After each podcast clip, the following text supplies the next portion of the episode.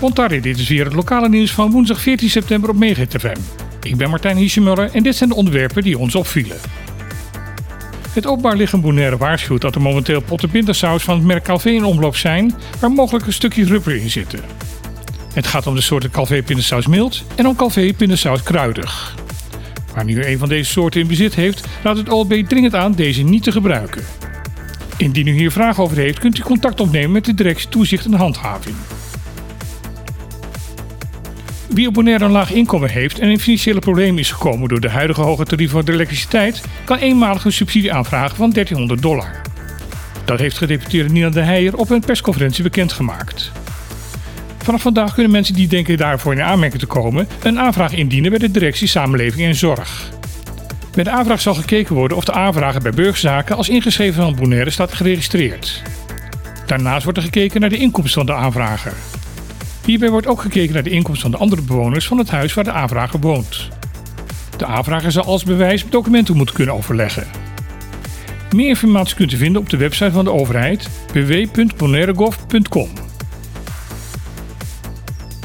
Afgelopen maandag was er een conferentie op Bonaire dat door het Nationaal Expertisecentrum Leerplanontwikkeling werd georganiseerd.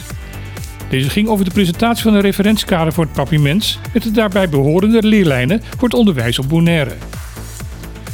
Door de ontwikkeling van het referentiekader en de leerlijnen weten de scholen voortaan wat de leerlingen moeten kennen en kunnen van het papiermens op belangrijke momenten in hun schoolcarrière.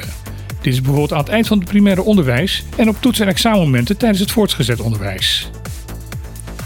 Het referentiekader en de leerlijnen zijn ontwikkeld door het expertisecentrum in samenwerking met leerkrachten uit het onderwijs op Bonaire. Tijdens de presentatie noemde gedeputeerde Nina de Heij de ontwikkeling van deze onderwijstools een belangrijke volgende stap in de erkenning en het bestendigen van het papiermens. Staatssecretaris van Financiën, Toeslagen en Douane, Aukje de Vries, ontkent dat bij de toeslagenaffaire sprake is geweest van etnische profilering. Deze uitspraak doet ze naar aanleiding van vragen van de Tweede Kamerlid Sylvana Simons van de partij Bijeen.